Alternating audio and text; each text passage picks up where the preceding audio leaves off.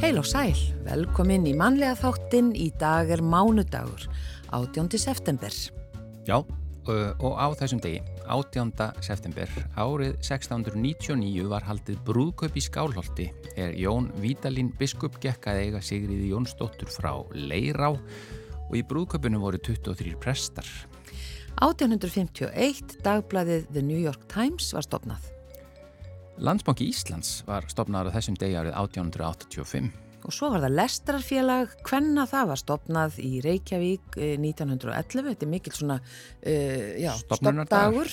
Stoppdagur. Mm. Uh, Lögþing Færeja lísti yfir sjálfstæði eigana í kjölfar þjóðaratkvæðagreðslu á þessum degi árið 1946. 1983 bandaríska hljómsveitin Kiss kom í fyrsta sinn fram án andlitsfarða á MTV. Mannst eftir þessu? Já og fyrir þau eh, sem að er að hlusta sem að ekki vita hvað hljómsveit Kiss er þá var það semst ekki, þeir voru ekki bara með með hérna upplíjant og einhvað slíkt sko, heldur þeir voru það mikið málaðar í framann að það var engin leið að sjá veist, þeir voru, an, einn var köttur eða eitthvað svo leiðs mm. og það vissi engin hverjir þeir voru Nei. það var aðal spennan sko Já. hafði engin hugmynd um hver, hverjir voru á bakvið málinguna það var meira svona eins og einhver hérna, rekjavökumáling eða, eða ösk, öskudags Já. Já, þannig að þetta var svolítið í, í minni æsku, var þetta svolítið stórt? Já. það bara, hafið þið séð þá? Þeir eru bara vennjulegi menn. En á þessum degi árið 1984 þá lauk kröplu eldum uh, en þeir höfðu staðið frá 1975 Já. Skotar feldu í þjóðaratkvæðagreislu aðskilnað frá Breitlandi á þessum degi 2014 Já, og svo umræða er held ég bara alltaf kemur aftur upp, aftur Já, og aftur. aftur og aftur. En að efni þáttarins, Háskólinn á Bifröst er eini íslenski háskólinn sem býður upp á námslínu í áfallastjórnun og á næsta ári er ætlunin að byggja undir þá línu með grunnnámi í almannavörnum og öryggisfræðum. Og við ætlum að forutnast um þetta hér á eftir. Hún sest hérna hjá okkur Ólina Kjærúl Þorvaradóttir, deildarforsiti og profesor við félagsvísinda deild Háskólans á Bifröst. Guðjón Helgi Ólarsson sendir okkur vingil í dag eins og vanalega mánudögum og í dag ætlar hann að leggja vingilinn að, við bananabrauð, áltir, íspyrni og mengun. Já, hann kemur viða við. Já, svo er það lesandi vikunar í þetta sinn er að Þórir Georg Jónsson, grafiskur hönnuður og tónlistamæður og bara eins og með alla lesendur við fáum að vita hvað hann hefur verið að lesa undanfarið og hvaða uh, bækur og höfundar hafa haft mest áhrif á hann í gegnum tíðina. En við byrjum að Helga Björns. Hér syngur hann Ég fer á Landróver frá Mývatni á Kópaskir.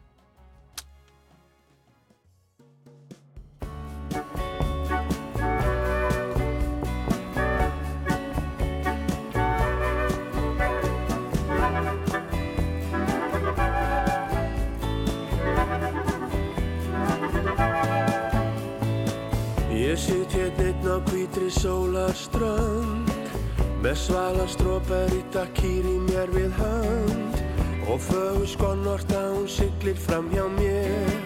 Hún er á leiðinni á leið til að sá íra. Ég leiði aldánum að dáleiða mér Og síðan dorma ég við miðjarðarnir. Í gegnum öklokkin ég greini bara liti. Nú blikka ljós er þetta bensinstöðn á lög Ég fer á landrófur fram í vatni á kópaskinn Þó minn hugur sé í nættulest til Marrakes Inn í eði merkur nóttina Þó ég sé hér á grímstöðum Ég sit hér einn á nýri bensinstöð Og frú á ljósinn flögt all í röð. Þannig að trukkur spýta restur fram hjá mér Og trullan leggur niður bílrúðuna mína Þá kvartlar hugurinn til Marokko Og hvað hún hétt hernum dillidó? 717 kallar bólugrafin kokkur. Ætli hans er núna búin að kleima og Ég fer á landrófur fram í vatni á kópaski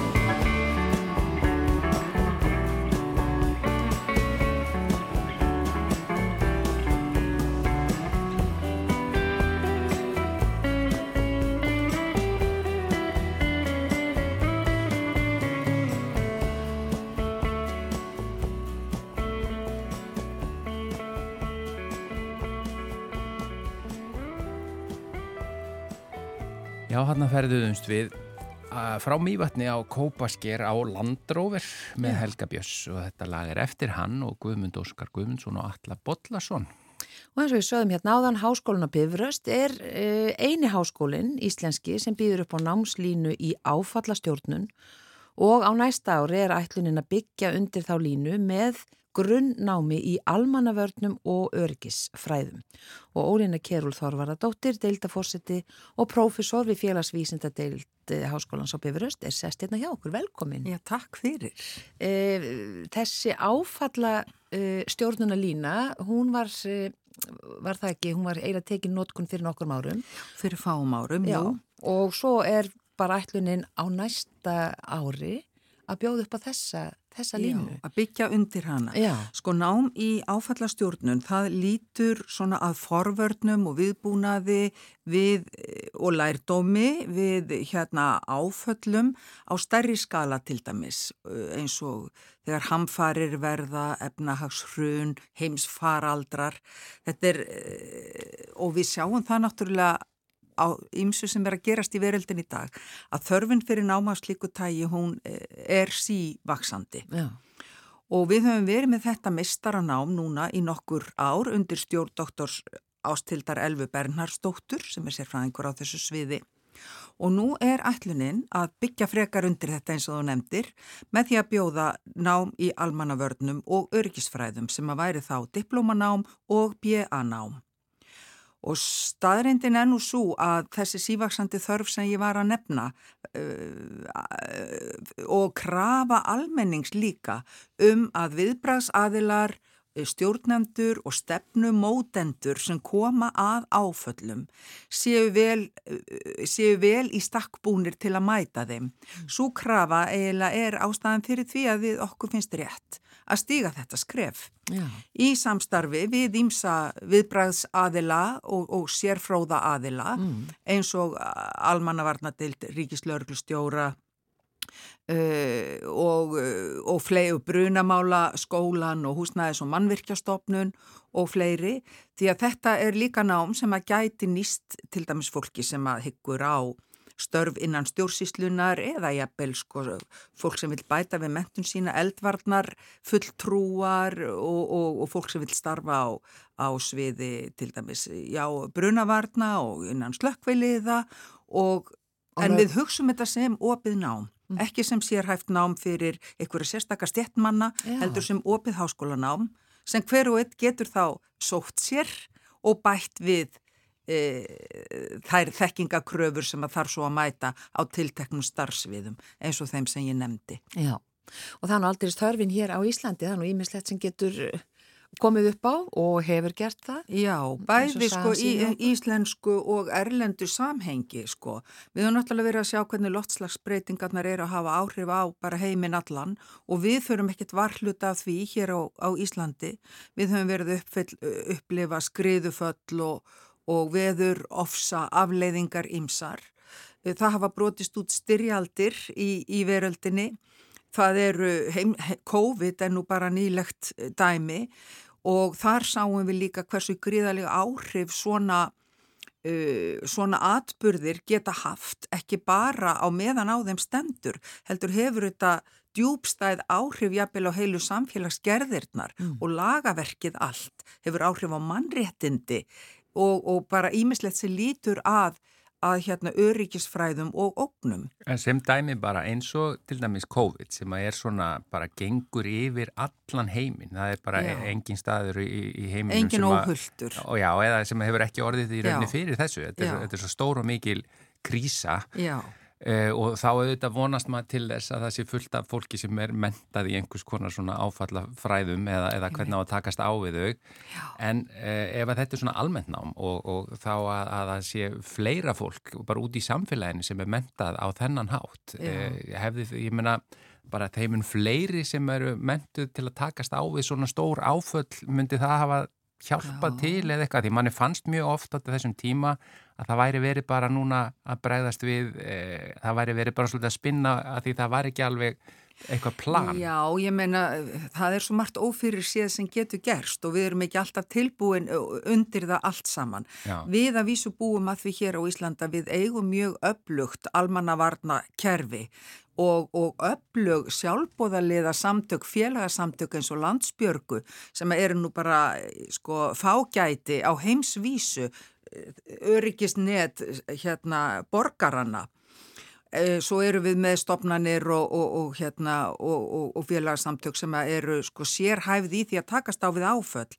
En við sáum hins vegar til dæmis í COVID að við vorum að stíga, samfélagi var að stíga skrefin jafn óðum, þurft að takast þarna á við stort mál sem að sko var í raun og veru skóli í sjálfu sér. Sama gerðist auðvitað í efnahagshruninu þegar stjórnvöld þurft að bregðast við afleiðingum þess sem þá gerðist. Þannig að það er fyllilega tímabært að styðja við og aðstóða stefnumótendur og stjórnendur til þess að takast á við e, hluti af þessu tægi. Og með þessu námi sem við ætlum að bjóða upp á, þá er ætlunin að veita insýn inn í einmitt þau svið þar sem er verið að takast á við öryggisóknir eins og stjórnsísluna og laga umhverfið eh, kringum bæði almannavarnir og þjóðaröryggi.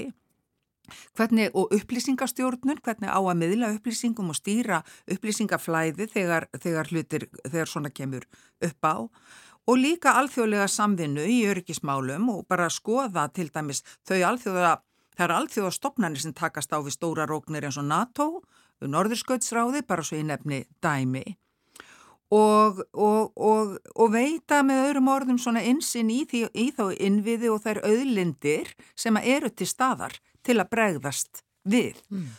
og og kafa ofan í hlutverk og markmiðstofnana sem að er að takast á við áföll og, og öryggisóknir og skoða regluverkið í, í breyðu, bæði breytt og þrönd, má segja. Mm, akkurat.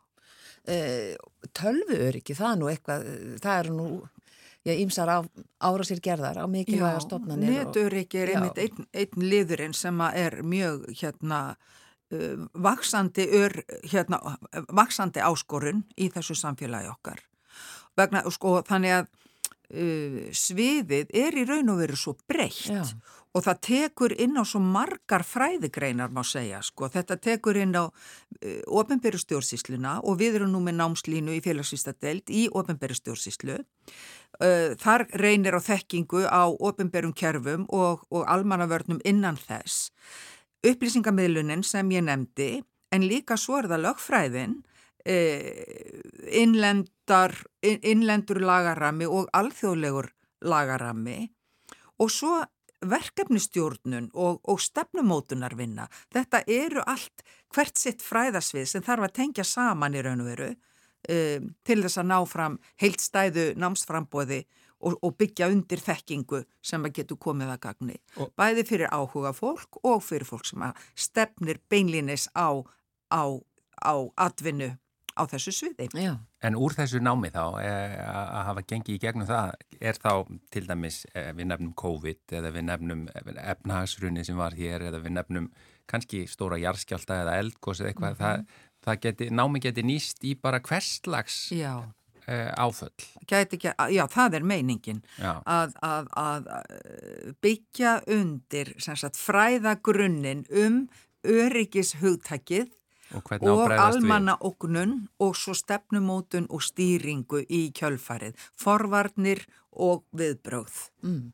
E, hérna þessi námslína í áfallastjórnum, hún alltaf tengist þessu. Algjörlega hún var sett á lakirnar þarna fyrir nokkrum árum í samstarfið mitt við ímsa viðbrasaðila og stopnarnir sem að hafa verið að takast á við öryggisóknir og áföll og hún er mestaranámslína. Þannig að með því að bjóða fram núna þetta bíanám í almannavörnum og örgisfræðum þá eru við raun og verið að byggja undir mestaranámslínuna. Þú færð meiri sérhæfingu í mestaranáminu, hitt er svona almennari og breyðari grunnur. Mm. Og uh, ég stend nú í þeirri meiningu og held að það sé ótvírætt að þessi námslína okkar í áfallastjórnun uh, sé nú þegar farin að sanna samfélagslegt gildisett með aukinni þekkingu og, og, og, hérna, og líka ekki síst bara með þessu samstarfi sem að náðist þegar verið var að byggja þessa námslínu upp. Mm, akkurat. Er þetta alveg sér íslensk lína eða er þetta að erlendri fyrirmynd? Sko, erlendir háskólar hafa verið að hérna, bjóða upp á nám í áfallastjórnun til dæmis og í varnar og öryggismálum og þannig að við lítum til eh, háskóla eh, í löndunum umhverfis okkur við uppbyggingu þessa náms. Það var gert við uppbyggingu námsins í áfallastjórnun og við gerum það líka við uppbyggingu þessa náms í almannavörnum og örgisfræðum. Já, hvernig er þetta að sækja um? Ég vonandi bara eftir áramót uh, þegar, þegar verður farið að opna fyrir skráningarnar fyrir næsta skóla ár. Við stefnum á að koma þessu námsframbóði á, á lagirnar bara strax næsta skólahár haustið 2024. Já. Eh, kæra þakki fyrir þetta Ólína Kjærúl Þorvaradóttir deildarforsetti og profesor við félagsvísinda deild Háskólans á Bifröst og við vorum að ræða þetta þessa nýju, uh, þetta nýja grunnámi í almannavörnum og öryggisfræðum og líka já, myndumst á þetta áfalla stjórnunanám sem nú þegar er fyrir í skólanum. Takk fyrir komina. Takk fyrir að bjóða mér.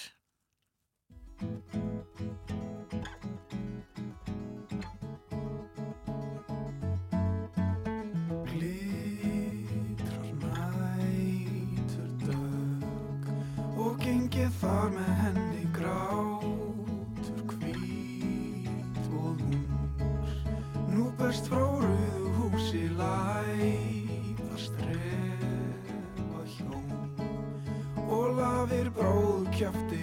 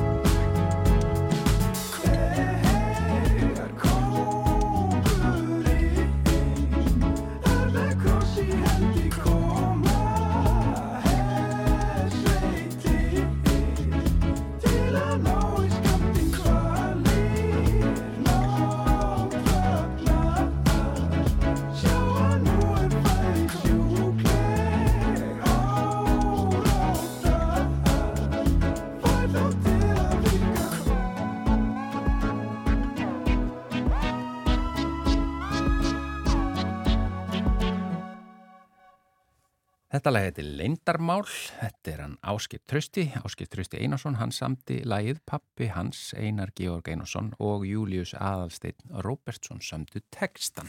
Já, og þá er nú komið að vinkli dagsins.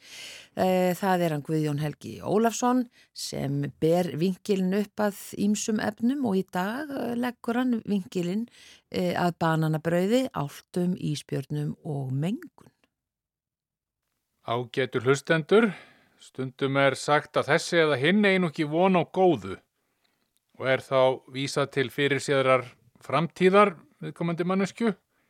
Við getum tekið dæmi um menn sem ákveðið hafa að taka upp kartöblur fyrir fram ákveðin dag en veðurspáin hljóður upp á auðsandi slagveður setnipartin og því eiga þeir ekki von á góðu.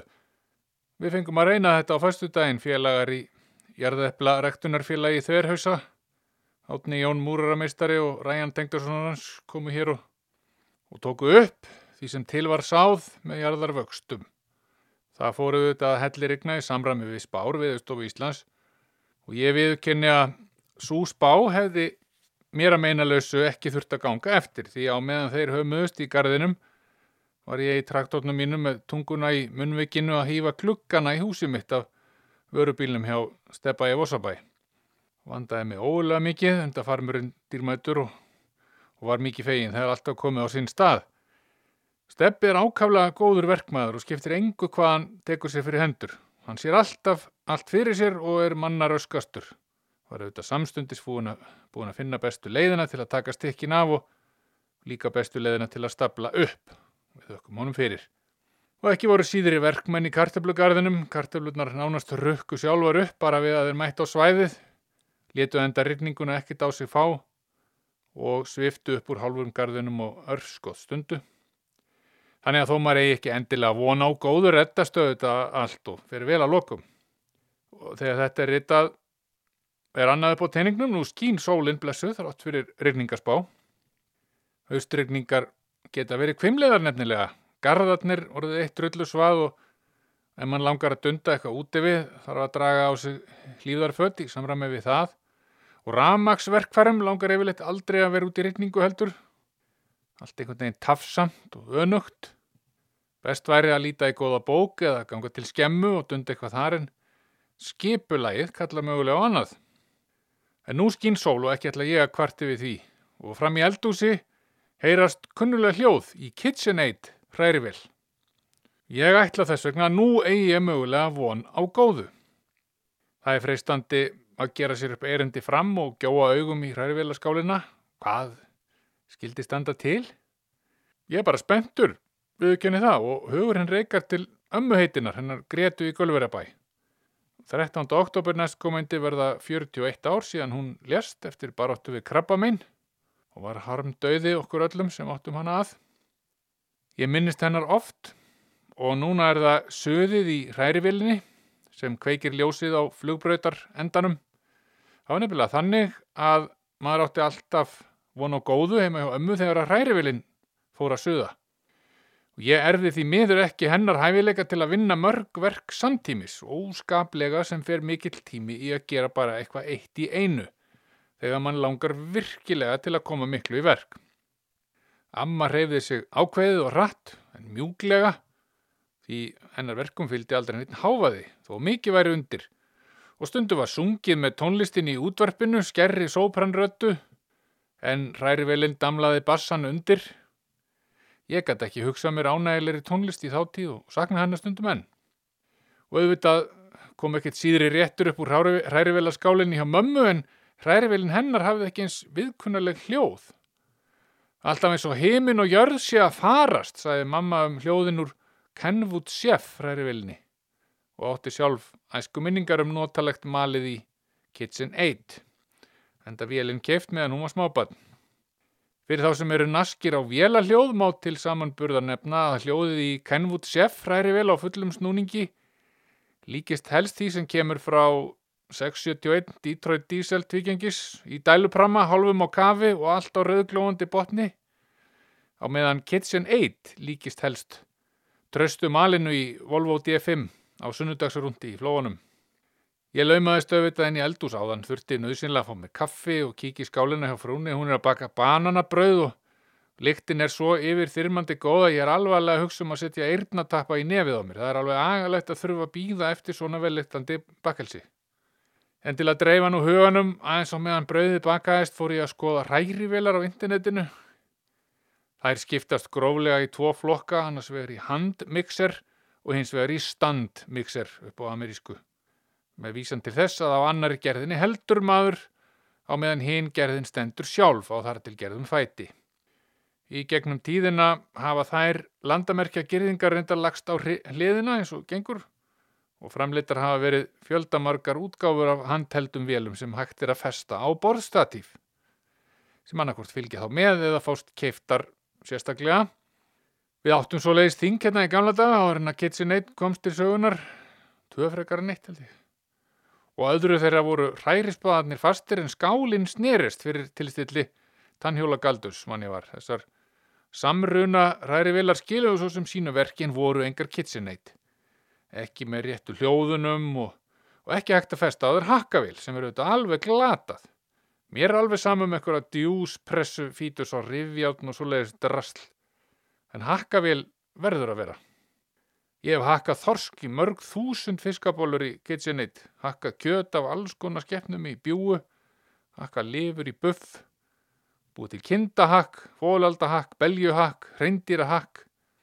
Og hef að, aðspurður kannski ekki alltaf verið nákvæmur varðandi innihald hakkrétta í gegnum tíðina. En þó aldrei gert áltabólur, svo í muni.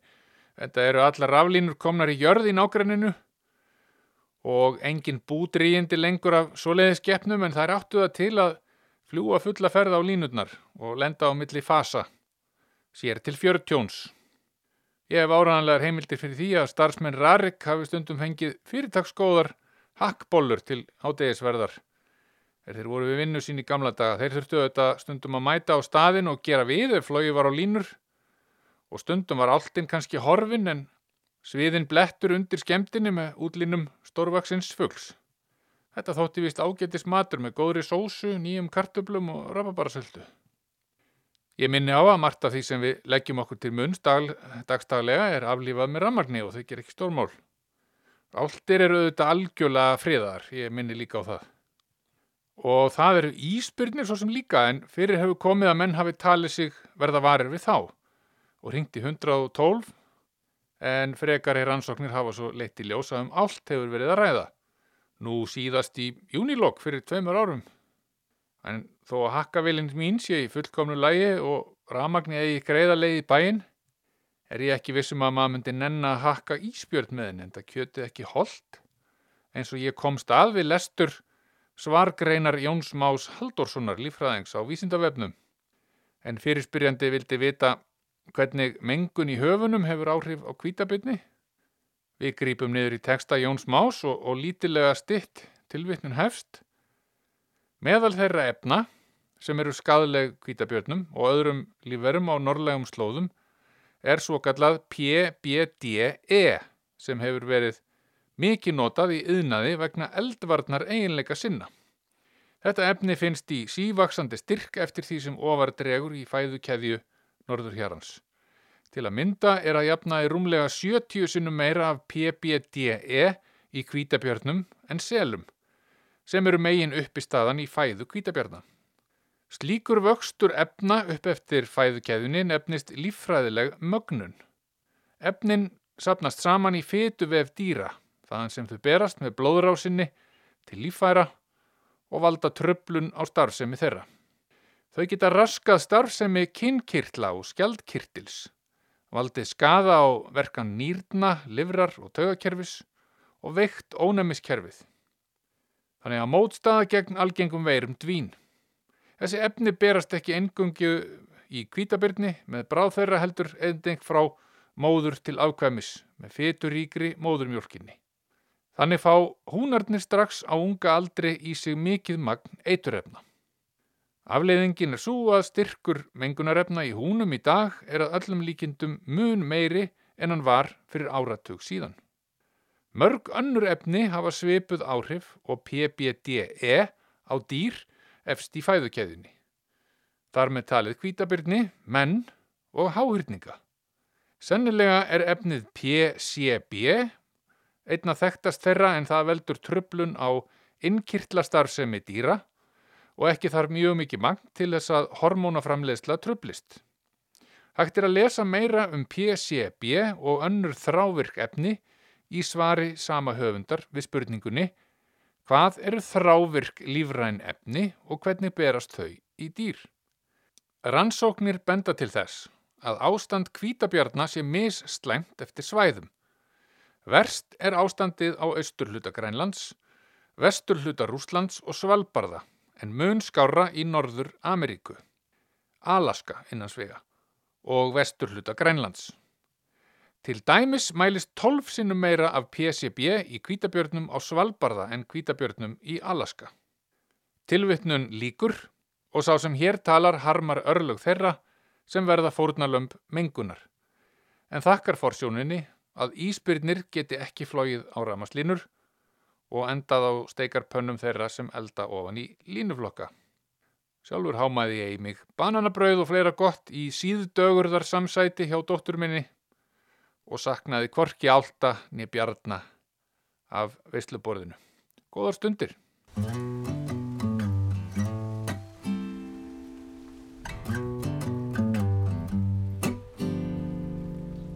Can't you see that it's just raining? There ain't no need to go outside.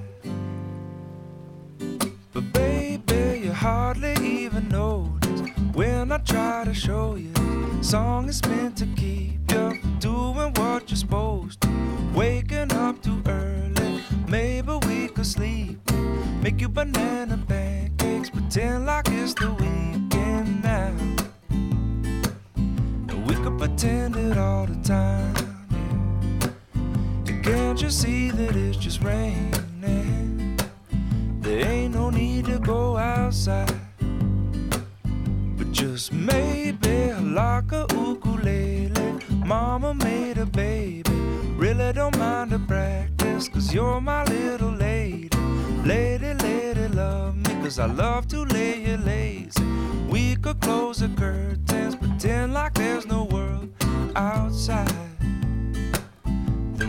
Then we pretend it all the time, Lord.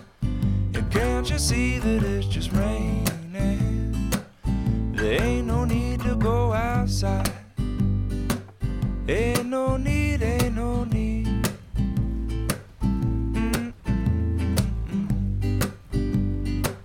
Can't you see, can't you see? Rain all day and I don't telephone singing, ringing, it's too early, don't pick it up. We don't need to, we got everything we need right here, and everything we need is enough. Just so easy when the whole world fits inside of your arms. Do I really need to pay attention to the alarm? Wake up slow, mm-mm, wake up slow.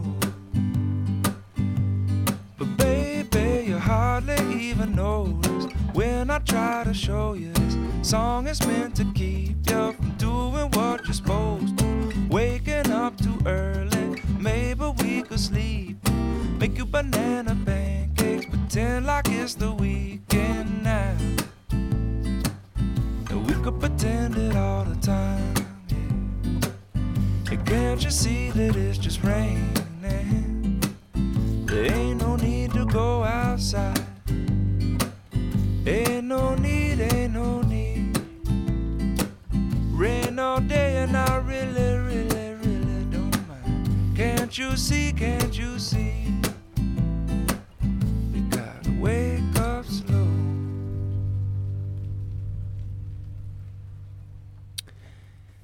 Banana Pancakes söng þarna Jack Johnson uh, hann var kannski ekki að tala um bananapönnugugur hann Guðjón Helgi Ólafsson en hann talaði um bananabrauð og uh, þá fannst mér það bara nægilega mikil tenging til að spila þetta lag.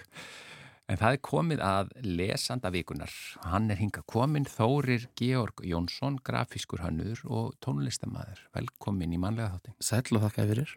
Hva, bara aðeins að forvitnast um því hvað hva, hérna tónlistamaður Já. eh, ertu á, á hvað spilar og ert að spila í hljómsveit eða, Eh, Ég hef spilað á ímislegt og hef spilað í mörgum hljómsveitum Já, í árin. eitthvað.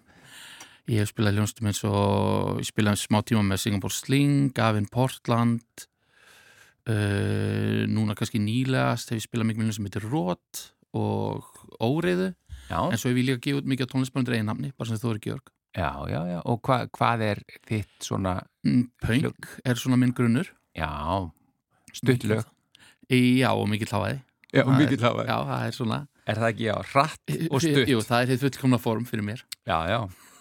Og, hvað, og er hérna, getur þú nefnt á einhver svona hérna punk bönd sem að eru uh, eitthvað svona, eru eitthvað inspirasjón fyrir þig eða voru, eða sem að þú Það heldur eru upp á svo ótrúlega mörg, ég menna á já. Íslandi var náttúrulega ímislegt í gangi, þá var það kannski helst vombriði og Börgur Pilnix í ársífuna. Við vorum bara Að hitta hérna fyrir akkurat. utan rétt fyrir viðtalið, hittum við Einar Akkurat viðeigandi. söngvara Purks Pilnix og það er verið bara að vinna heimildamind þannig að við þurfum báður að hlakka til að- Akkurat. Og svo er þetta bara, og svo, ég menna ég er bara ennþá á kafís í dag, því sem er að gerast í dag og alveg aftur í tíman sko, þannig að það er bara, er íslenska punk senan, er hún uh, er mikið lífi í henni? já, hún er mjög sterk í dag. Já, en, en grafískur hönnur, hvað er þetta að, að hanna grafík? Uh, ég vinna á kvításinu, auðlýsingastofu, Já, já, og þá er það þá bara meira og minna svona auglýsingatengt. bara 100%. Er þetta búa til logo og svona? Um, ekki á kvításinu, ég hef gert það svona frílans, Já. en þarna er ég bara að búa til auðlýsingar. Vinn sérstaklega við að búa til auðlýsingar fyrir Æslandi er. Já, já, já, það er bara, ég, það er svolítið svoleiðis eða ekki að, að þú ert með svona þína kuna. Jú, og Já. sérstaklega þegar þeir eru svona í, í stærri kantinum eins og Æsland er, er þá ertu svolítið mikið bara þá ertu svolítið mikið að læra og kunna inn á, inn á fyrirtæki sem vinnu fyrir. Ég öfunda alltaf grafíska hönnuði, sko bróðu minn er grafískur hönnur og svo þekki ég marga uh, því ég er svona tölvunörd, mér finnst rosa gaman og kann á fullt af Já. forritum nema, mig vantar þetta auga sem að þið hafið.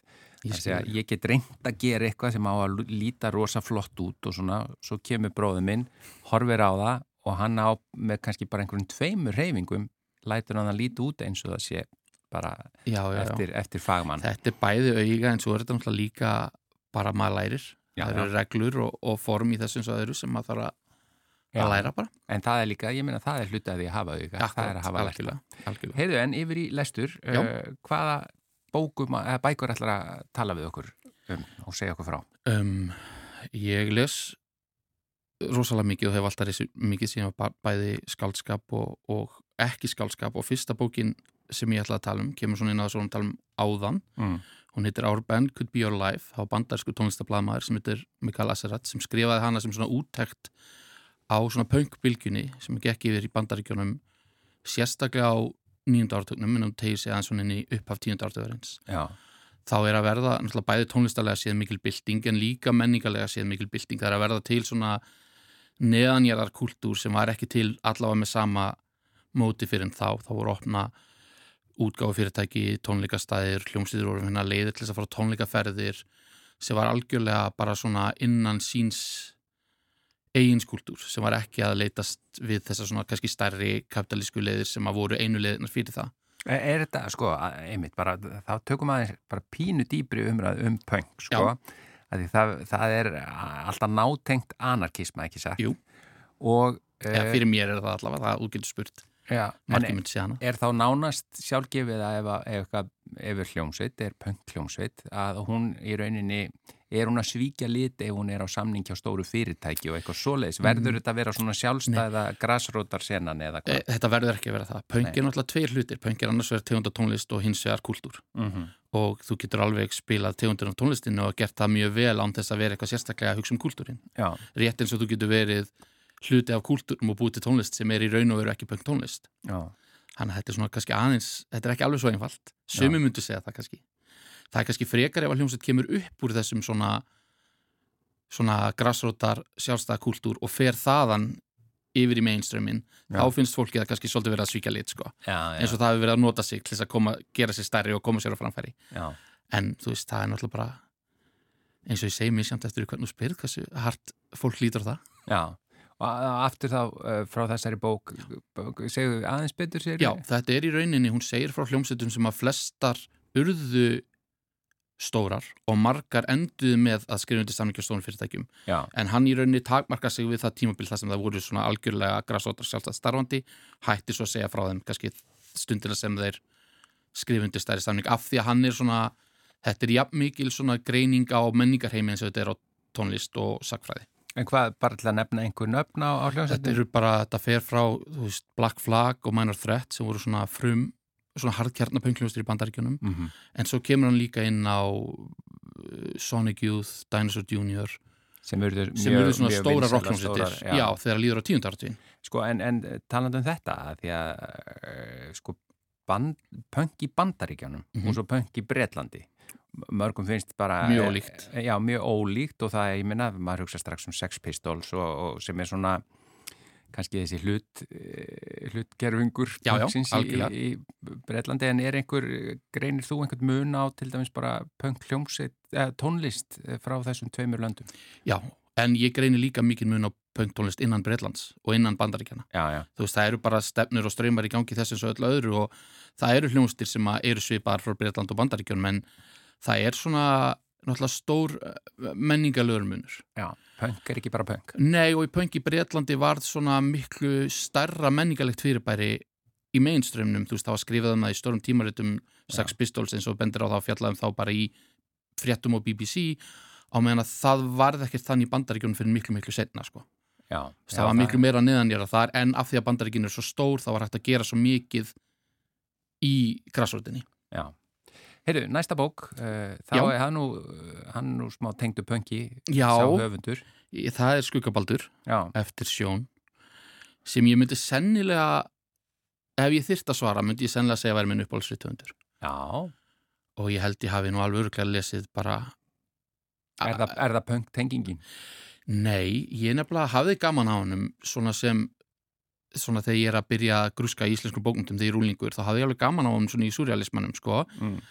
En það var eiginlega fyrst í skuggabaldri þegar það var orðin svona aðeins svona romantískara og, og svona komið svona formfastara sem að ég svona virkilega kveikti á hannum, sko Mm. sem hann komst í svona mikið uppáhald hjá mér En er, er hægt að segja að, að nú er ég að búið til endalisa tengingar hérna, Já, já, endilega. er hægt að segja að surrealismi sé einhvers konar punk? Já. Já, Ég myndi segja það, stór hlutapengi. já. Að hann sprettur úr punkinu og þá er engin tilvílun hvert hann fer í, Já, punk bara kannski undir, undir miklum áhrifum frá surrealisma. Já, veist, það var náttúrulega alltaf svolítið markmiðið að brjóta reglur og, og svona skoða hluti frá nýjum sjónarhónum sem að svona, eins og ég upplifa er líka stór hluti af surrealisma. En þú segir þegar að hann hafi náði betur þegar hann er svona aðeins og romantískari og hvað formaðri eða hvað? Já, það var mín upplifun allavega þegar ég lesi þessa bóki í fyrsta skipti. Hann er svona, þetta er hef, mun hefðbundnar í bókin þar sem ég hafi lesið eftir hann áður. Já. Uh, skuggabaldur eftir sjón, en svo er það, er það norskur rithöndu næst. Karlófe Knoskart sem er nú svo sem umdildur Mjög, mjög frægur. Mjög frægur Og, og- og svona braust uh, Og- harkalega fram á sjónasviði. Já, og er eiginlega svona örugla stærsta svona bókmænta stjarnar sem við höfum upplifað á síðustu árum, bara svona maður hugsaður út í hvað hann sjálfur varð og er frægur og, og þú veist, hvað hann einhvern veginn varð mikill karakter, sko. Já, því að hann í bókstæla Hann var bara fyrir að skrifa sjálfsæfi já, já, sínar, sko. og, skri, og dregur ekkit undan. Nei, og hérna, þær eru frábærar, en bókin sem að hafði svona kannski mest áhrif á mig er, þetta er rauninu upprunnulega fyrirlestur sem hann heldur. Þetta er Já. seri af bókum. Og, já, sem heitir uh, Why I Write það sem að rithöndar fengnir til að halda í rauninni fyrirlestur upprunalega til að tala um svona hvað veitir þeim innblástur og af hverju þeir vilja skrifa já. Og hún heitir Inadvertent, hans bók Þessi Og- sem, að- þessi Já. að- já. og ólíkt öðrum bókum eftir hann er hún mjög stutt og auðlesin það sem þetta var jú fyrirlestur sem hann þurfti að halda Já, því hinn að bækurnar, sko, það sem hann er að skrifa um eigi líf, uh, býtu það heita á frumálunum mín kamp, eða ekki? fyrsta Fyrsta, já. heitir það, já svo hafa þær allar sinn titil sko Hvað urðu þær margar? Sex. Þær eru sex og þær eru, þær eru ekki 800 blaðsjur Já, þær eru bara sko, og doðrantar. nýjasta skálsaðan sem er frábær sem heitir Morningstar sem kom út fyrir tveimur árum að ég held, hún er svona doðrantur líka og mikið af því sem hann skrifar, hann er mjög lang orður oft sko, Mm -hmm. en þannig í þessari bók þá bara, ég var að vinna í maður náttúrulega ekki að segja að maður gerir svona vinni, ég var að vinna í Eimsson, bók á slunum tíma Já, og ég las þessa bók alla bara á einni vakt þegar ég átti að vera að vinna og hérna, já, er það ekki hluta að vinna? jú, jú, sömum finnst það yfirmönnum kannski ekki eins mikið en ég vinn ekki það lengur þannig að en og hún bara, hann bara tó, tókst á einhvern svona ótrúlega bara svona maður er að leita ís, íslensku orði maður vil ekki sletta svo mikið Já. en það er bara svona uh, á mjög svona uh, þetta var svona stuttort og svona bara svona nákvæmt svona náðan að lýsa því rosa vel fyrir mér allavega hvað listsköpun er og ég tengdi við rosa mikið sem hann segir í þessar bók Byrju, hann, er hann sem sagt að Hann skrifa sagt- í bókinni Nei, um- hann sérst, þessi bók er fyrirlestur sem hann heldur um af hverju hann skrifar af hverju hann Já. vil skrifa og hvað ritlist er fyrir honum þannig að hún er samt sem áður um hann já, já, já, já, já, bara ekkert annað Já, ég ætlaði að spurja með nefnilega Já. þessar nýju skáldsögu já, hún, hún er það ekki, Hún það er- er, bara skáldsaga það, bara, það er nýrtótt já. Já. en hérna og já, hann bara veginn, ég bara þessi bók bara hafði mjög mikil áhrif á mig sko. Og ég var bara rosa hrifin, hafði lesið eftir hann áður og var aðdándi þess að las ég hana sko en svona, þó hún sé um hann þá er þetta samt svona eitthvað pínu nýtt, já. svona eitthvað annað en, en hitt sko. En að því hann er að skrifa um það af hverju hann skrifar Já. og ég meina, hann skrifar þessar stóru, stóru, stóru Já, bækur og skrifar mikið í þeim um það af hverju hann skrifar. Um, Já, já, en var, var hann semst að segja samt eitthvað nýtt þarna Já, um í það? rauninni sko. Hann var svolítið svona að leifa sér að bindetekki alveg svona mikið við sjálfan sig, hann tala mikið um myndlist og bókmyndir og þú veist hvernig hlutir tengjast fyrir honum og, og svona En eh, sko, blundar í þér eitthvað að því að ég hugsa nefnilega að þarna er greinlega verið aðeins að krifja Já. eh, froskin, eða þú veist, það er já, oft já. talað um að þú Algjörlega. froskin þá deyra hann, nema fyrir þau sem eru virkilega að pæla í eins og mér finnst það svo gaman að hlusta á leikar að tala um list leikarans ég Já. veit alveg að það er fullt af fólki sem bara alveg sónar út ég, les rosalega mikið af bókum af það sem tónlistamenn skrifum það búið til tónlist sko. Já, nákvæmlega, þú Já, sem, en kveikir þú uh, býr í þér eða, eða leynist í þér uh, rithöfundur eða, eða Ég- tengjur þetta við ég tónlistarsköpunina? og hef alltaf skrifað mjög mikið Já. bæði í tónlist og bara mér til skemmtunar Já.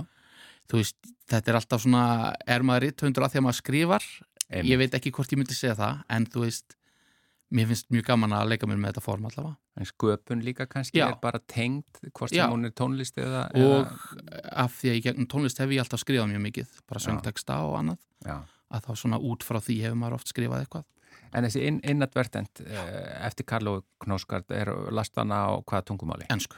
Já, hefur, hefur hún verið þýtt á íslensku? Nei, hann hefur eiginlega ekkert verið þýttur á íslensku Já. það var fyrst það voru, þetta var eitthvað svona tilhörnaverkefni hjá einhverju held ég í háskólan það voru þýttir nokkri fyrstu kaplanir úr fyrstu æfisögunans og kemur út á íslensku en annars hefa, hafa bækurnas ekki verið þýttar á íslensku Heyrðu, hérna, uh, rétt stutt um næstu bók, hérna. Tove Dittlesen. það er, já, hún, fyrsta bókin hún, þetta var, hún var danskur reytöndur og ljóðskald og hún skrifaði svona trilógíu sem er kallu Kaupmannahamnar þríleikurinn Mm. og að ég held bara svo þriðja gift hefur verið þýtt á íslensku úr þeim þríleik og þær eru allar frábærar en fyrsta, ég, sennilega bara því ég las hana fyrst hafði kannski mest áhrif á mig Já. það lýs nú bara barnæsku sinni þetta er svona sjálfsæfisögulegt eins og Karlo Vegnoskart skrifar nema bara þetta eru mjög stuttabækur hún svona e, fer ekki svona eins ítarlega í hlutinu hann Og, og titillin er mjög lýsandi. já, bara childhood Já. og þetta bara, hún bara lýsir svona sínu uppeldi í kaumarum við ekkert sérstaklega góða ræðstæður Já, já. og ég hef verið mikið í kaumarum, það hefur kannski áhrif líka ég gæti séð mikið fyrir mér það sem hún var að tala um og því sem hún var að lýsa Sögusviði. Já. Childhood eftir Tove Dittlesen. En uh, þá höfum við örskamma stund til að fara svona, að fara aftur í tíman. Hvað Já. svona situr í þér, hvað hefur svona fyllt Em, þér? ég byrjaði að lesa mjög ungur eins og ég segi bara sem barn og las alltaf mjög mikið en ég á mjög svona sterkar minningar því í fyrsta skipti sem ég skildi að bókmyndir voru eitthvað meira en afþreng Það voru, þetta var einhvers konar listform þetta var eitthvað svona stærra heldur en bara einhver svona saga. Já. það var Ringadólfins saga eftir Tolkien. Já, það, uh, einmitt. Það, ég held ég hafi verið 12 ára eitthvað svo leiðist þegar ég las Hobbitan og fór svo beint í Já, og ég var náttúrulega örgulega heilt ára að lesa allar þessar bækur, það eru líka, því líka dórandar en þarna fannst mér ég svona þetta er svona fyrsta skipti sem ég man eftir þessar svona upplifun að, Getur þú sett puttan á það hvað það er? Er það að því Nei, að þetta er þetta er bara bara- algjörlega ert- nýr heimur? já þetta er bara fullkomlega skapaður nýr heimur þetta var bara svona, ég upplifaði þarna svo stert að það er einhvern veginn engin takmörk Já.